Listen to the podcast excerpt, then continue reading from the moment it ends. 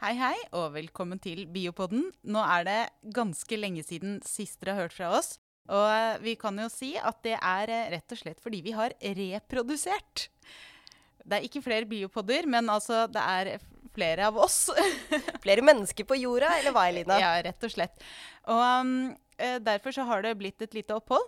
Men eh, vi har store ambisjoner om å fortsette med dette, ikke sant Vilde? Vi har veldig store ambisjoner. Kanskje ikke like ofte som før, men store ambisjoner om å fortsette med Biopodden. Ja. Og så dere som er eh, lyttere, dere kan bare glede dere til at det kommer en episode av Biopodden. Litt sånn nå og da, når vi får det til.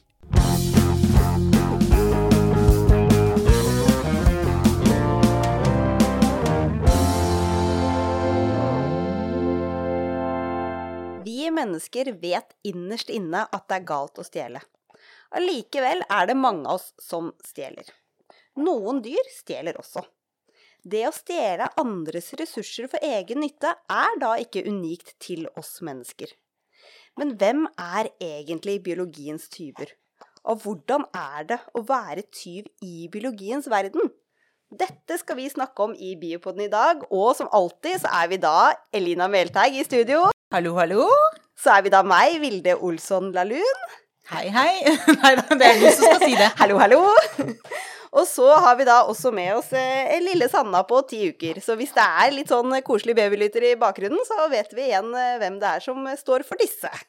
Ikke sant.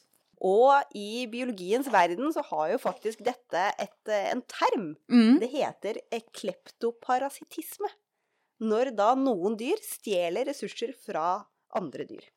For bare vanlig parasittisme, det er liksom å bare utnytte ressurser på en eller annen måte, eller ja, bo i noen andres kropp, eller ta noen andres ressurser. Men her snakker vi om stjeling. Her tar vi noe. Ja. Her tar vi noe. Og vi har jo noen eh, eksempler som, eh, som alltid. Jeg vet ikke om du, Elina, har lyst til å bare begynne med ditt, et av dine eksempler? Jo, det kan jeg godt. eh, Men da har jeg lyst til å starte med å stille deg et spørsmål. Visste du at YouTube noen ganger vet mer enn forskerne? Nei, det visste jeg ikke. Mm, det kommer vi til, men bare hold på tanken at det er noen ganger YouTube har dokumentert eh, en ting bedre enn det som man finner i forskningslitteraturen. Nei, nå er jeg spent. Og eh, før vi setter ordentlig i gang, så skal vi jo også lære tonjord til. Eh, det er kleptotriky. Det er å stjele hår. Og så er det noe som heter kleptoptily. Det er å stjele fjær. Hei, Så noen stjeler hår fra andre dyr? Yes, og det er det vi skal snakke om. Det er nemlig noen forskere som har funnet ut at det er noen fugler som stjeler pels og hår. Altså til og med hår, menneskehår, fra menneskers hode i det man passerer for intetanende. Og dette er jo veldig, veldig merkelig.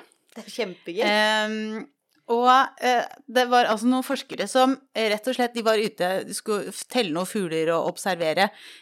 Altså ikke i det ærende å se på tyveri, men eh, rett og slett regelrett sånn artstelling og sånn. Og så eh, så de plutselig at den ene fuglen var borte og plukka pels av en vaskebjørn. Og det er jo litt rart. Det er litt rart, ja. Ja. Og den sov, eller den var i ro, så den fuglen den fortsatte og tok med seg en ganske, noen ganske gode tjafser da. Men fløy den bort, tok fjær som satt på dyret, og Mm. fløy fra Mm, pelte av litt pels, ja. Og så tenkte forskerne at det kan jo tenkes at den var død. Så de vekket den, eller de pirket borti den for å se at den var, den var levende. Og da måtte de hjem og finne ut av dette her. Eh, Så de lagde seg et lite sett med søkeord, eh, og så søkte de i forskningslitteraturen. Og der fant de elleve forskningsartikler hvor det, var, hvor det sto noen som helst liksom, observasjoner av fugler som stjeler pels og hår.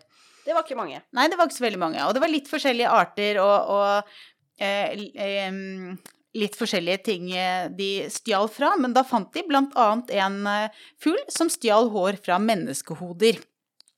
Så, og det er jo sånn som mennesker legger merke til. Så Det er, det var, eh, det var seks observasjoner av de elleve som var det. ja.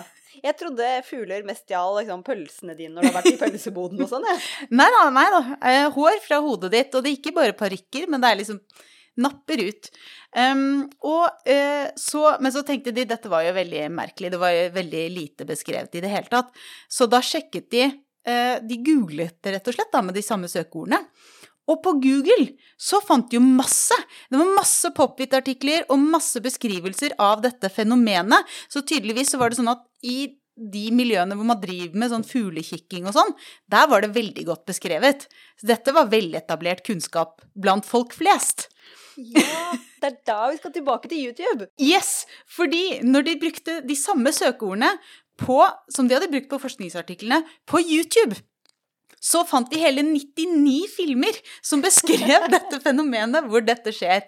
Og jeg er sikker på at hvis de hadde brukt enda liksom, videre uh, søkeord enn det de hadde brukt i forskningsartikkelen, så hadde de sikkert funnet enda mer. Og da ble de jo veldig uh, overrasket. Veldig fascinerende at YouTube har fått det med seg, men ikke forskningsverden. Ja, og ikke sant? Og ikke bare det, men det er ni ganger mer på YouTube enn i forskningsartikler. Og at ingen forskere har eh, sett det og tenkt 'dette skal jeg forske litt mer på'. Mm. Det Men det er jo det som har skjedd her, da. Ja, det er sant. Ikke sant? Så eh, det de da fant ut, var at de skulle se litt nærmere på dette. Så prøvde de et nytt søk, og denne gangen så søkte de på eh, om det var dokumentert at fuglene brukte pels i redet. Og det var det! Det var det masse dokumentasjon på.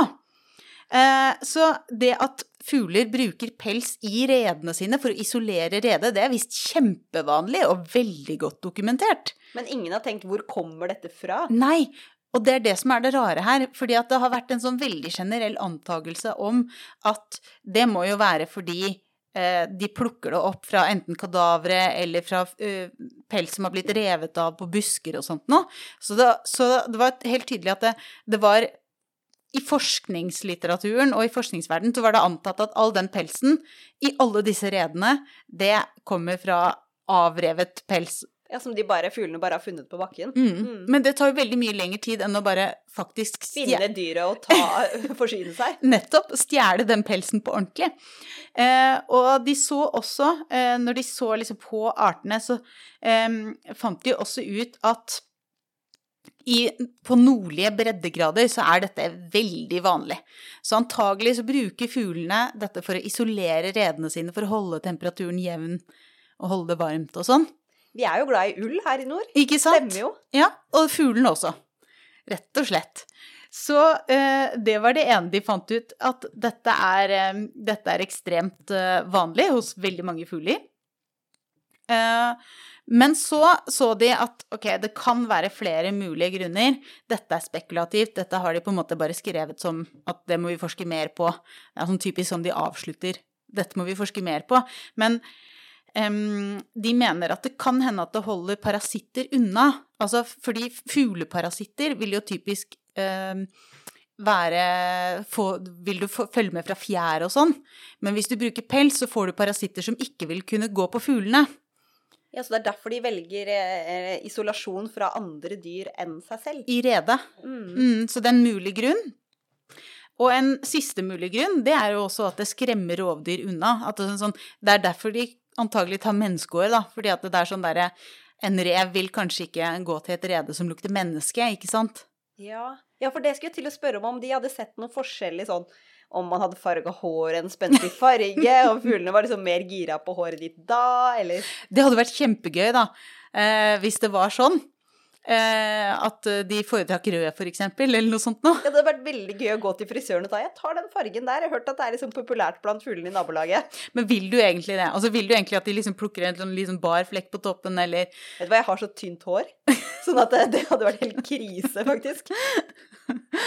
ja. Uh, nei, det, uh, det, det står ikke noe om det, altså. Uh, men så var det jo bare seks artikler hvor det var observert at det var skjedde. Så det de egentlig avslutter med, er at dette her må vi forske mer på. Dette var spennende. Det er veldig gøy at du, du sier det, fordi jeg kan jo røpe at på mine eksempler, så er det egentlig den konklusjonen de har der òg. At dette er kjempespennende, det må vi forske litt mer på. Ja. Er du klar? Ja. Vi skal bevege oss bort fra mennesker og fugler. Vi skal ned på bakken, eh, kanskje ute i vannet. Vi skal til noe som er litt seigt. Vi skal til snegler. Herlig. Snegler som tyver. Altså, det går ikke så veldig fort, da. Det går ikke veldig fort. Og vi skal til et fenomen som jeg syns eh, bare er utrolig kult. Og det har også et fancy navn, og i likhet med de andre navnene så begynner det med klepto, som da betyr å stjele eller tyv. Og her skal vi til fenomenet som heter kleptoplasti. Og det er å stjele plastider. Rettere sagt, eller her i dette eksempelet, så er det å stjele kloroplast. Og bare for en eh, kjapp recap, så er det jo da kloroplaster i blader eh, i, til planter, og også kloroplaster i alger, som da gjør fotosyntese, som, eh, som lager eh, energi, eller energimolekyler, ja. ved hjelp av sollys. Så det er liksom de som fotosynteseorganene, egentlig. Ja, og det, det liker jeg at du sier, fordi ø, å se på disse plastidene som et organ, det er veldig riktig. Eh, og hvis man skulle sammenlignet til oss mennesker, da, så ville det jo være som at jeg liksom stjal en nyre av deg, på en måte. Ja, vi sier det sånn. Eh, jeg er jo molekylærbiolog, så det river litt i hjertet akkurat nå, men Det river i organene dine fordi jeg har stjålet dem. Men vi sier i hvert fall at eh, kloroplastene er jo energifabrikkene. Det er de som lager energien da, fra sollys eh, til både planter og alger. Og det å stjele disse, det er noe som man har visst egentlig at sånne encella eh, organismer gjør. Protister heter det. Ja, så Blant alger er det jo vanlig altså at noen alger kan stjele kloroplastene til andre alger. Ja. Ja, så det er liksom en, en ting blant disse encella eh, organismene. Men så viser det seg at det er også noen dyr, vi skal til sneglene, som da kan stjele kloroplaster fra alger, og faktisk bruke disse kloroplastene. Og da gjøre fotosyntese. Så dyr som gjør fotosyntese. Og før jeg går videre, så må jeg bare gi en liten cred til min venninne Ina, som faktisk hadde dette eksempelet på eh, når hun, hun, forsvarte doktorgraden sin. Og da skal man snakke litt om fancy ting før man begynner å gjøre det. Og da hadde hun dette eksempelet, og jeg syns det var så kult at jeg husker at jeg satt og hørte på henne og tenkte dette må jeg ha med i biopoden. Det er litt som at du nevnte bananer i din doktorgrads... Eh, og da ble jeg veldig glad. Ja, litt sånn. Så eh, dra på disputaser eller doktorgradsavhandlingspresentasjoner. Eh, og få inspirasjon til morsomme eksempler. Kleptoplasti. Det jeg vil først be alle gjøre, det er å gå på internett og søke på det som heter leaf sheep, altså bladsau. Da får du tidenes søteste skapning, som da er en snegle som ser ut som en sau, som lever under vann, og som stjeler kloroplast. Og det er jo bare den beskrivelsen er jo verdt et lite søk. Den beskrivelsen er verdt et lite søk, og, eh, så jeg vil anbefale at alle, absolutt alle, gjør det. Da går vi videre fra eh, Google-søket over til det vi faktisk skal snakke om, nemlig kleptoplasti og et review-artikkel. Det er din første? Det er min første review-artikkel, hvor de snakker om plastid, altså kloroplast, hvordan den klarer å overleve i disse cellene til sneglene. For det er jo, snegle er jo et dyr. Og, og dyreceller er jo ikke vant til å ha kloroplast. Hvordan kan en dyrecelle liksom bruke kloroplast og gjøre fotosyntese og få energi ut av det? Så det er det de egentlig har gjort i dette review-paperet, som da er skrevet av eh, DeVrice og kom ut i 2014. Og de har sett på eh, denne ordenen, ordenen, som heter eh, Sacoglossa. Det er da eh, sneglefamilien. Og på liksom eh, internett så er disse kjent for å bli kalt solcellesnegler. Nettopp fordi de kan bruke sol, og de er grønne, og de ser liksom ut som blader. Eh, men de er snegler. De de er rett og slett på en måte sånne der saktegående solcellepaneler som bare sklir av gårde. Ja. De har også blitt kalt for gåendes blader. Så det kan man også google. Det er mye spennende bilder der ute hvis man har lyst til å se på det. Men det disse har sett på da, i det paperet, er jo egentlig eh, fotosyntesen, og hvor lenge er det den egentlig foregår inni disse sneglene. For eh, kloroplast, altså det organellene som gjør fotosyntese, vanligvis, hvis den ikke er i en plantecelle eller en algecelle, så blir den ødelagt veldig fort. For den trenger liksom litt hjelp fra algecellen eller plantecellen til å klare seg med at eh, cellen tar bort avfallsstoffer og litt sånn. Det er litt sånn at hvis jeg da faktisk hadde stjålet en nyre av deg, da, så måtte jeg gått på immundempende midler for at ikke mitt immunforsvar skulle liksom Ja, og i hvert fall, ja, hvert fall at det, det klarer seg ikke da inni liksom en helt annen organelle, eller helt annen, en organelle i et helt annet dyr. Så de har sett litt på hvordan er det mulig at den eh, klarer seg i snegla. Og måten de gjorde dette på, var eh, å selvfølgelig lese mange artikler, siden det er et review paper. Men det som er felles for alle de studiene som har sett på dette, er at de ser på aktiviteten av fotosystem 2. Altså det er et av de viktigste enzymene som gjør fotosyntese. Så hvis du klarer å måle hvor flink og hvor mye fotosystem 2 eh, jobber, så klarer du egentlig å si litt om også hvor mye fotosyntese som foregår da, inni disse kloroplastene. Så det er det man har gjort. Man har tatt sneglene, forskjellige snegler innenfor samme eh, familie, og sett på de forskjellige artene, og sett hvor lenge gjør disse sneglene fotosyntese. Når de da har spist og tatt Altså etter tyveriet? Etter tyveriet, etter de har stjålet og sugd ut eh, kloroplastene ja, for hvordan fra gjør de det egentlig? Hvordan de gjør det? De går over algene, og så stikker de et hull i algecellen. Og så lager de, jeg vet ikke om det er en tube eller et eller annet, men de liksom suger ut innholdet av algecellen. Litt sånn vampyraktig, da. Litt vampyraktig, ja. Og så brytes jo mesteparten av innholdet i algecellen brytes ned, men kloroplastene de beholdes intakte og tas opp av egentlig eh, fordøyelsessystemet til snegla. Og så forblir det i disse fordøyelsessystemet og kan da utføre fotosyntese og gi energi der. Oi, men er det sol inne i fordøyelsessystemet? De er jo veldig eh, små og gjennomsiktige, tror jeg, disse sneglene. De, er, de ser helt grønne ut på bildet, så jeg tror eh, Ok. Ja, Kanskje nei. også transporterer kloroplastene litt rundt, så de liksom kommer i nærheten av sola. Fordi man sier jo ofte der sola aldri skinner, eh, med tanke på et visst sted Ja, det, på kroppen. tror ikke det gjelder for disse sneglene. for hvis det er gjennomsiktig, så skinner sola overalt, og da gir det jo mening, da. Det gir veldig mening. Men det de så på i denne artikkelen, var da eh, aktiviteten av dette fotosystem 2 for å finne ut av hvor lenge gjør disse artene fotosyntese. Nesten alle av de gjør ikke fotosyntese i det hele tatt. Nei. Klarte ikke måle noe aktivitet av fotosystem eh, 2. Så etter at du har stjålet disse kloroplastene, så skjer det ingenting? Du får ikke noe hjelp av det? Eh, nei. Eller eh, du får De klarte å måle aktivitet opp til to uker etter at de hadde tatt de opp, men det er fordi det er så lang tid det tar før de liksom eh, Brytes ned. brytes ned naturlig. Ja. Så for alle de artene, som er så å si alle, så vet de egentlig ikke om, dette, om de trenger fotosyntese. Eller om det bare er et slags sånn biprodukt, eller hva de egentlig skal Hva dette brukes til. Huh. Men for seks av artene de så på, kalte de det eh, long retention eh, arter. Altså at de beholder en aktiv og fungerende kloroplast i mer enn to uker. Opptil månedsvis. Så de klarer rett og slett å holde liv i disse organene som de har stjålet? For noen, ja, for opptil seks, eller for seks av artene, så klarer de da, disse sneglene, å ta og stjele kloroplast fra alger, og faktisk bevare de og holde de eh, funksjonelle inni seg i opptil seks måneder. Og for eh, noen av de også, så viste de at eh, de klarer seg bedre i lys enn i mørke. Ja, så det, artene. det Altså har faktisk, en effekt. at det faktisk har en effekt.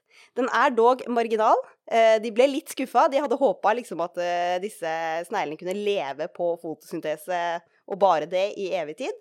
Det kan de ikke, men det funker. De trenger det. Eller de kan bruke det. Eh, så det er jo få av artene, men det var eh, interessant å se at du faktisk kunne beholde denne kloroplasten i mange, mange eh, måneder.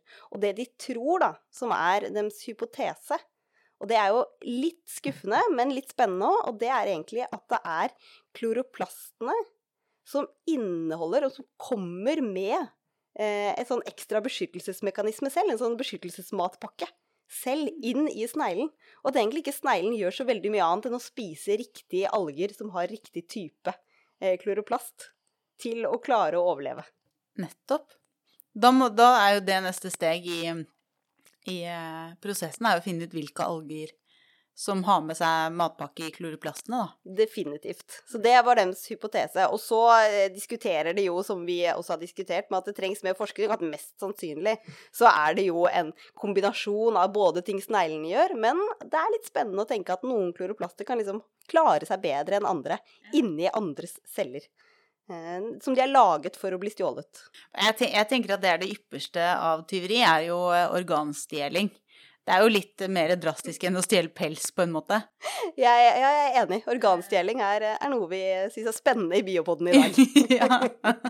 Og jeg tenker sånn, det er jo også det verste du kan gjøre mot andre mennesker. eh, Sånn eh, Organ, har du noen eksempler på organstjeling? Altså? Nei, men jeg bare tenker at det er liksom i eh, en del filmer og sånn, da, så liksom eh, Den verste måten å bli kvitt gjelda di på, er liksom å selge en nyre eller noe på et svart marked. Eh, ja. Veldig sant. Men i verste fall at den blir stjålet, da. Og disse stakkars algene som har laget og gjort fotosyntese, og så kommer det en snegle og stjeler eh, fotosynteseorganene. Ikke sant? Og, da, dreper algen, da, så det Ja. er jo litt, men også en snegle, liksom. Det er ikke noe som er kjapt. det er ikke noe som er kjapt.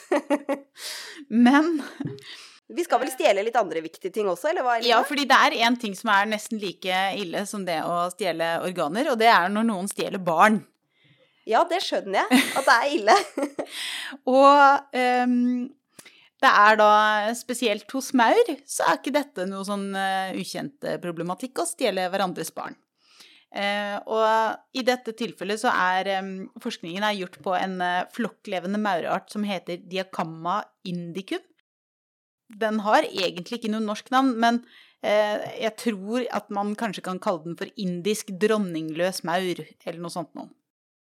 Fordi de har rett og slett eh, Det er godt kjent at de stjeler eh, hverandres barn innenfor arten, eh, men det de da har sett på, er liksom rett og slett tyverimetoden, da.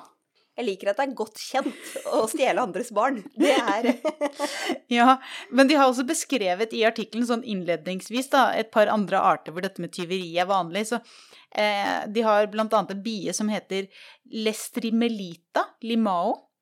Eh, og de har en tendens til å raide eh, redene eller eh, kubene til andre bier. Og også honningbier. Og da de stjeler alt fra honning til pollen, redematerialer, og noen ganger så er det rett og slett bare husokkupering. Altså, de tar over.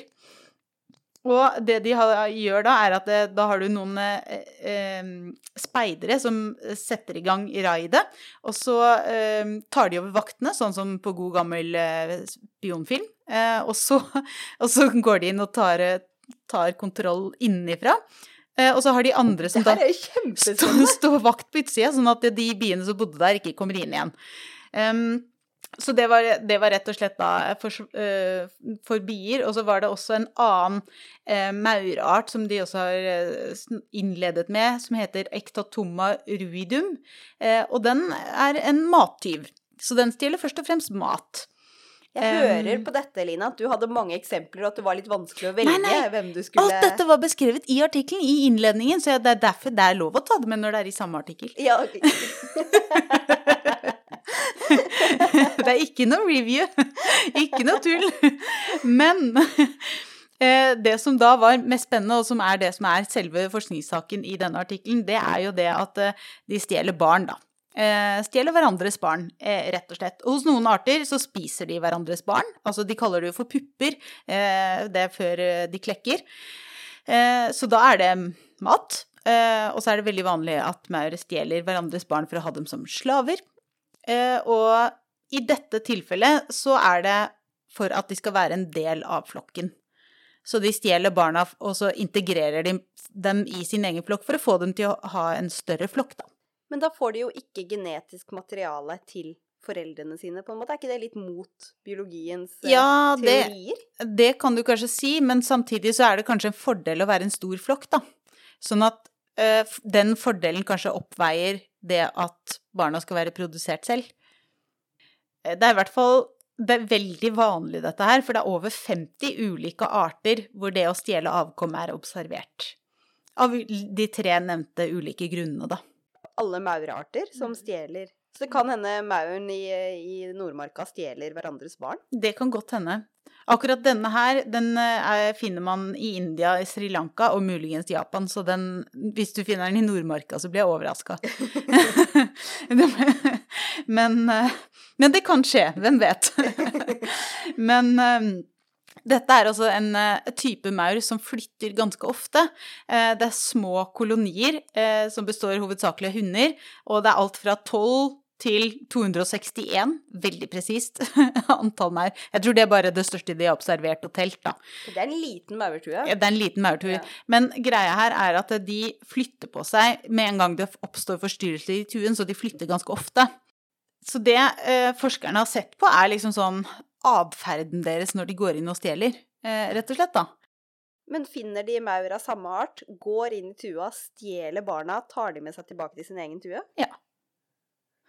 Og det, Bærer de på ryggen, liksom? eh, I munnen I mann... uh, altså, jeg husker ikke hva de munndelene heter, men de tar det i munnen, rett og slett, og så holder det, uh, holder det fast av de puppene. Og de hadde, det de var spesielt interessert i, det var jo å se om tyvene på noen måte endret atferd, hvis det var f.eks. lukt fra fremmede kolonier, eller tilstedeværelse av andre maur, eller em, spesielt da, om de endret atferd hvis de andre maurene var veldig aggressive for å passe på barna sine. Altså liksom sånn, hvordan oppfører en tyv seg? Ja, det er gøy. Lister de seg sånn som vi gjør? ja, de, var, de, de er litt sånn forsiktige i starten, i hvert fall. Og så kommer det jo litt an på disse elementene, da. Um, så de hadde noen sånne mauretyver, og så hadde de da noen uh, Hva skal jeg si ehm, Typer interaksjoner som de kategoriserte som aggressive. Hvordan, hvordan ser en aggressiv maur ut, vil du si? Jeg vil se for meg at den reiser seg på bakbeina og vifter med armene.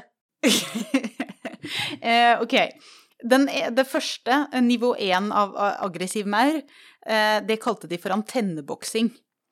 Det var ikke langt unna. Nei, det er ikke så langt unna. Eh, det er rett og slett å komme borti en annen maur med antennen. Altså sånn liksom daske med antennene, da. Det er jo litt farlig, fordi du vil jo ikke brekke den, men altså Det er aggressivt. Ja, det er Ja. aggressivt. Det var, det var det jeg sa. Nivå to, det er å bli jaget. Ok, ja. ja. Nivå tre, det er å bruke disse munndelene, eh, som jeg snakket om, og legge den andre mauren i bakken. Skikkelig brytekamp. Ja, rett og slett. Og noen ganger med døden til følge, altså. Eh, Så det er, da blir, blir lagt i bakken. Det er nivå tre i forskernes eh, aggresjonstabell. Og da ville de jo eh, se om eksempel eh, hva, hva som skjer hvis du blir eh, utsatt for aggresjon. For det er tydeligvis veldig, veldig bra for dem å stjele disse barna. Og av de 37 maurene som de filmet og så på De hadde laget en sånn eh, På en måte en, en et område da, hvor de hadde laget ulike maurkolonier og liksom filmet dem da, i stjeleprosessen. Eh, så det var 37 maur de hadde sett på. Eh, tyver. Og av de 37 så var det fire av dem som kun prøvde å stjele én gang. Så i, i gjennomsnitt så prøvde de seg på mellom fire og fem tyverier. Men det var jo en som var mestertyv, som var eh, inne med 18. Så de er stortyver. Det er ikke en liten feilplukking på Meny, det der. Nei, Det er aktiv det er veldig eh, aktiv stjeling. Um, og så så de også at det var en eh, relasjon mellom antall tyverier og aggresjon som ble utøvd mot tyven. Eh, fordi hvis de ble lagt i bakken eh, Og da har de også presisert da i forskningsartikkelen at ingen maur døde i dette forsøket. Å, så koselig! Det var fint. ja, det ble bryting. Ja, de stoppa Nei, ferdig med kampen. Du må ikke gå for langt. de må Dette er bare forskning. redde den Jeg tror det var mer tilfeldig Ja. at ingen døde, enn at de gikk inn og stoppet det. Men det, eh, det står, De står ikke at de har prøvd å stoppe det, eh, men det står spesifikt at ingen har dødd. Mm. Um, så det er jo bra, da. Men hvis en maur ble lagt i bakken, altså aggresjonsnivå 3, da tok det veldig mye lengre tid før de prøvde å stjele igjen. Ble litt redde. Ja, rett og slett. Syns det var litt skummelt å liksom være med på Ja, det var litt sånn derre Shit, de ble Ja. ehm. men, men hvorvidt de lykkes med å stjele, eller om de noe, ble straffet på noen måte, det hadde ikke eh, noe å si for om de lykkes i neste forsøk. Så selv om de kanskje ble lagt i bakken, så betydde ikke det nødvendigvis at de mislykkes neste gang eh, de prøver å stjele. Det tar bare litt lengre tid før de prøver seg igjen. ja. Um, Men de vil prøve igjen. de vil prøve igjen. Ehm, og så sammenligner de fart, da. Eh, for de så liksom mauren snike seg inn ikke sant, i kolonien, sånn, ser litt sånn ja, er, det noe, Er det noe fremmede maur her? Hva lukter det her? Er det noe barn her som vi kan stjele? Altså i det hele tatt. Og så, så ser du den liksom bare sånn lister seg inn, snapper en puppe, som det heter, og da er den fort! Da er den rask! Og stikker ut igjen, liksom? Ja. Så idet den liksom har fått kontroll på den puppen, da er det bånn gass ut av tuen. Eh, og da er de helt sinnssykt eh, raske, og den farten har de målt. Fortell.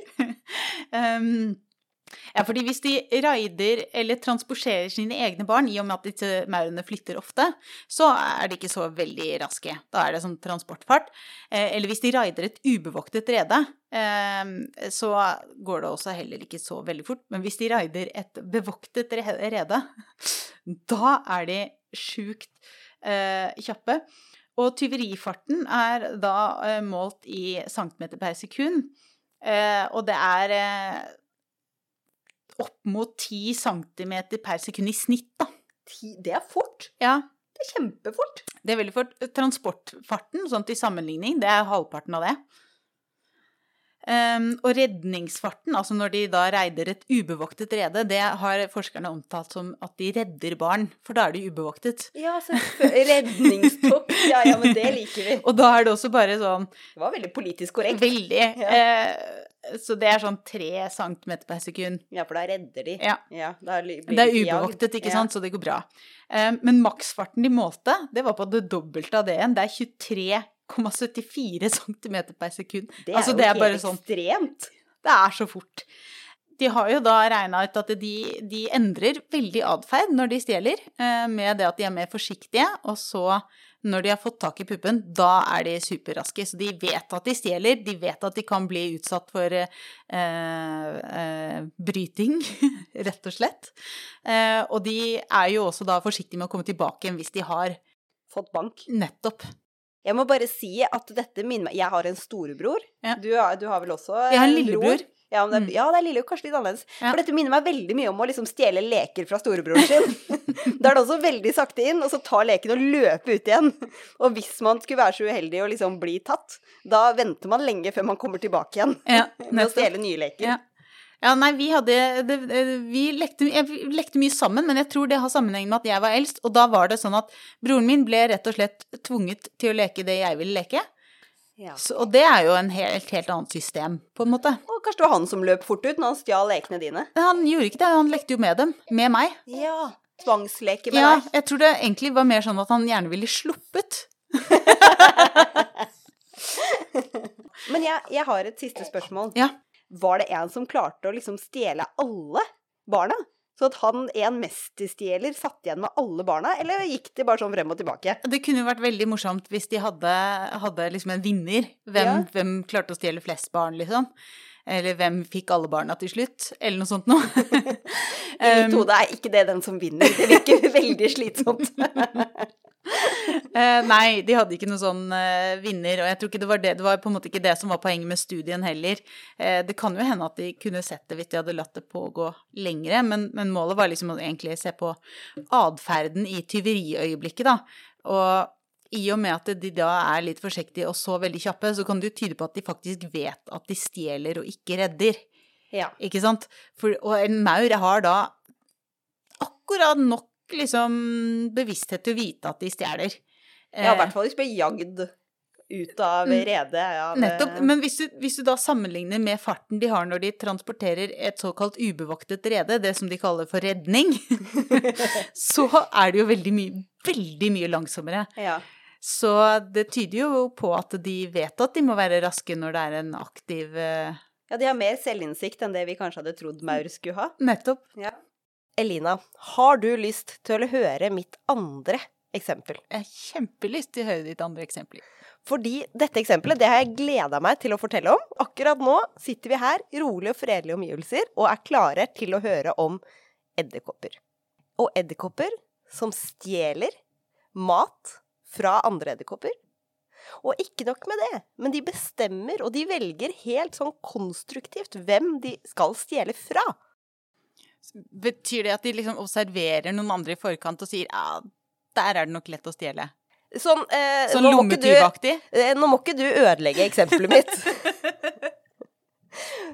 Det kan hende de tenker eh, litt, litt à la den. Fordi det er en eh, edderkoppslekt som heter argyrodes, og det er i familien kamfotedderkopper. Og disse argyrodesedderkoppene de er små og svarte og har ofte litt sånn sølv på, på ryggen, så de er ganske lette å kjenne igjen. Men det som er litt rart, er at uansett eh, hvor i verden man finner disse argyrodesedderkoppene, og de lever som regel i tropene på litt sånn varmere strøk, men finnes liksom på mange steder, og man kan se at disse liker ikke så godt å veve sine egne nett. De kan, men de er ikke så veldig glad i det.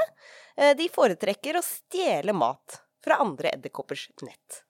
Og de foretrekker overalt i verden å stjele fra en helt spesiell art som heter nefrila. Så hvorfor går disse argerodesedderkoppene på disse nefila-nettene, og ikke på alle mulige edderkoppnett? Det er det disse forskerne hadde lyst til å finne ut av. Så de begynte å tenke OK, eh, hvordan skal vi gjøre dette? Det de fant, var en kakaoplantasje som hadde masse argerodesedderkopper og edderkoppnett som skulle kuttes ned. Så sa de OK, kult, da har vi jo masse argerodesedderkopper som trenger et, eh, et nytt hjem. Så de tok disse edderkoppene og overførte de til en kaffeplantasje som hadde nett som ikke allerede hadde blitt eh, tatt av en argerodes-edderkopp. Og så begynte de å observere. OK, hvor går edderkoppene? Og det var ikke sånn veldig overraskende, men de fant jo ut at edderkoppene, selv om de hadde liksom blanke ark, kunne egentlig gå hvor de ville, så gikk de til disse nefila-nettene. Og fant ut at argerodes alltid havna på de samme type nettene. Det er jo litt rart, da, når de hadde muligheten til å ta Altså ikke stjele, på en måte, men flytte inn eh, så å si hos noen som hadde bare gjort klart.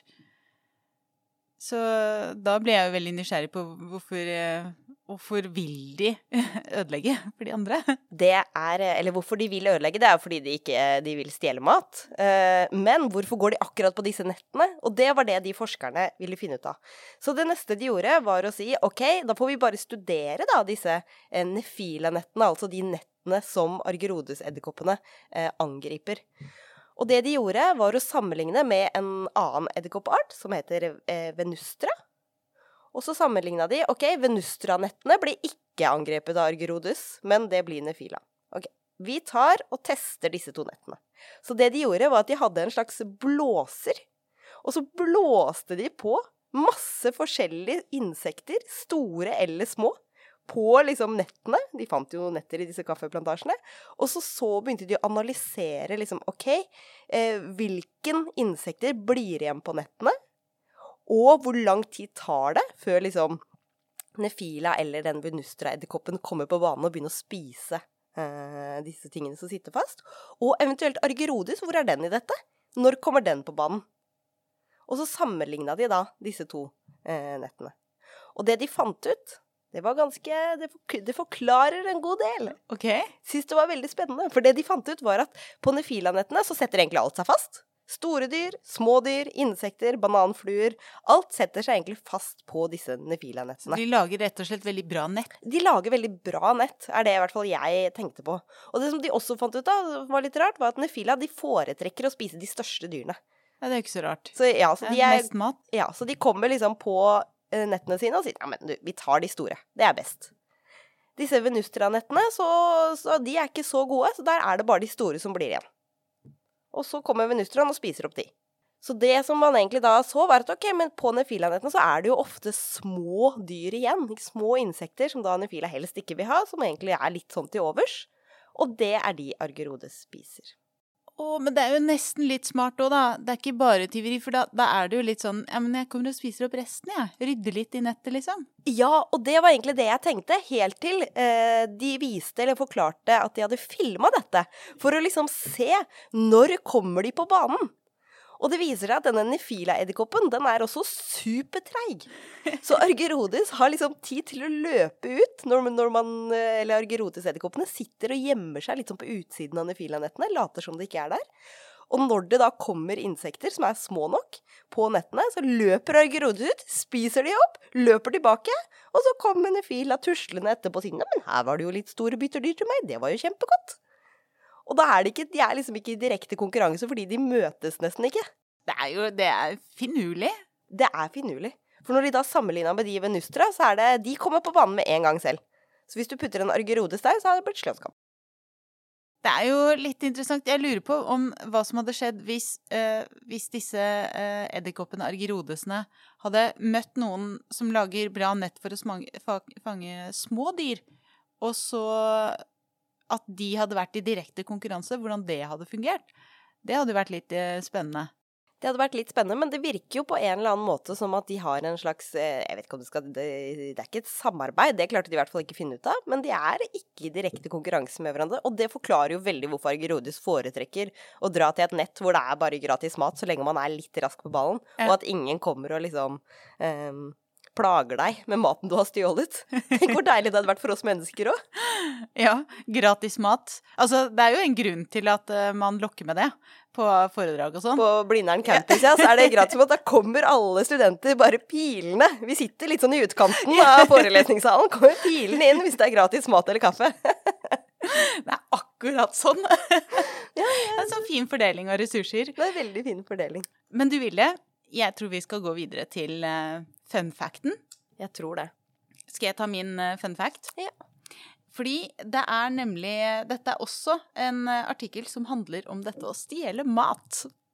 Det er bra å stjele. Um, og det er eh, rett og slett en hvitskriketrost og en svanedrongo, eh, som begge holder til på savannen.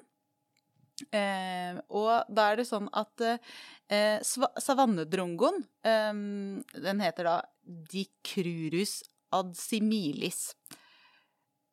Ja, for de som eh, gjerne vil ha med latinen. Du har latinske ord. Du er flink. Nei, jeg vet ikke. Latinske. Jeg vet ikke om jeg er det, men eh, det er gøy å ha det med. I hvert fall. Savannedrongoen, som er det norske navnet den har fått, eh, den um, liker å vente, sitte og se på denne hvitskriketrosten. Uh, og den passer på en måte litt på hvitskriketrosten, så den sier i og for seg sånn! Jeg vet ikke om det er den lyden den lager, men jeg lever meg litt inn i det. Nå er det det. Det er veldig bra. Det er lenge siden forrige gang vi har spilt i podkasten. Må gjøre litt ekstra. Jeg liker det veldig godt. Og så, så den venter og ser er det liksom sånn Er det noe fare på ferde, ikke sant? Eh, og da lager den en eller annen lyd, sånn advarsel. Kan du lage advarsellyden igjen? Da flyr, da flyr hvitskriketrosten sin vei, selv om den skulle ha fått tak i mat. Så det er greia at da kan jo savannedrongo bare gå og ta. Så den lurer den. Den lurer den. Men den sier også ifra når det er fare på ferde. Og det fine med det er jo at det, det går liksom litt opp i natt. Det er liksom 50-50, så det lønner seg da for hvitskriketrosten å faktisk flytte seg når den hører denne skrikelyden, eller hva Jeg vet ikke hvordan lyden er. Men den lønner seg for den å flykte når den hører den lyden eh, og advarselen. Eh, selv om den da av og til taper litt mat på det. Det var kjempelurt. Mhm. Samarbeid. Ja, det er tyveri. Det er finurlig. Okay. det, er, det er tyveri, men finurlig. Ja. Jeg, jeg, jeg skjønner at den gjør det, da. Ja, jeg skjønner det veldig godt. Så det er jo det ålreit. Jeg bare tenkte at det var greit å ha et, et kort og greit eksempel på, på litt tyveri fra fullverden. Litt matstjeling igjen. Liker du at nå skal vi over til noe, en annen fun fact, som eh, egentlig ikke er tyveri, men det var så spennende så jeg måtte ta det med for det. Det er fun, da. Det er fun, og det er fact, og det er ikke rart, det er ikke langt unna å, å stjele. Fordi dette er en blekksprut som spiser selvlysende bakterier for å bli selvlysende selv. Så den stjeler på en måte det selvlysende fra bakterien. Og det er for at den skal kunne kamuflere seg i vann. For å få sånn motilluminering. Så det er for at blekkspruten da, når den svømmer i liksom havoverflaten, og noen ser på den unnifra, vanligvis ser du da en svart skygge, men når den da har selvlysende bakterieorganer som den har spist fra bakterien, på liksom magen sin, så vil det liksom eh, ikke ses unnifra som en svart skygge, fordi den Ah. lyser opp og lager en sånn Det er motlys. motlyskamuflasje. Åh. Fordi den da har spist bakterier som har lys. Det var jo veldig, veldig lekkert, da. Altså, det er jo greit å ta med et eksempel på noe som stjeler um, disse lysorganene. Um, og ikke bare mat. Ikke bare mat. Men det som, eh, for dette var liksom egentlig et veldig sånn stjeleeksempel, men nå har det kommet eh, flere eh, forklaringer på at de tror kanskje at bakterien jobber sammen med blekkspruten. Og da er det jo absolutt ikke stjeling, så det må man jo se litt mer på. Men at blekkspruten gir bakterien aminosyrer og mat, og så kan bakterien nesten leve inni blekkspruten og gi dette lysorganet til eh, blekkspruten. Det er jo et veldig fint uh, samarbeid. Jeg, jeg, tror nok at det er litt sånn Mange av disse eksemplene er nok egentlig litt sånn i grenseland. Ja. Um, og dette med å stjele, stjele, organer har jo sitt eget uh, ord. Kleptoplasti. Ja, det var jo mitt første eksempel. Ikke sant? Sånn at uh, det, det jeg, tror, jeg, tror, nok vi kommer til å se flere eksempler på det i framtiden, når man begynner å nøste opp i hvordan uh, ting faktisk funker i naturen. Så, så, tror jeg kanskje vi ser flere eksempler på uh, tyveri av organer. og, men også eksempler på fantastisk finurlig samarbeid. Det blir spennende. Det blir veldig spennende. Eh, og med det så tror jeg vi bare skal takke for oss her i Biopodden og si at eh, tusen takk for at dere fortsatt følger med på oss. Eh, og Vi gleder oss til de neste episodene. Ja, det gjør vi. Og det kommer litt sånn nå da. Ha det bra. Ha det bra.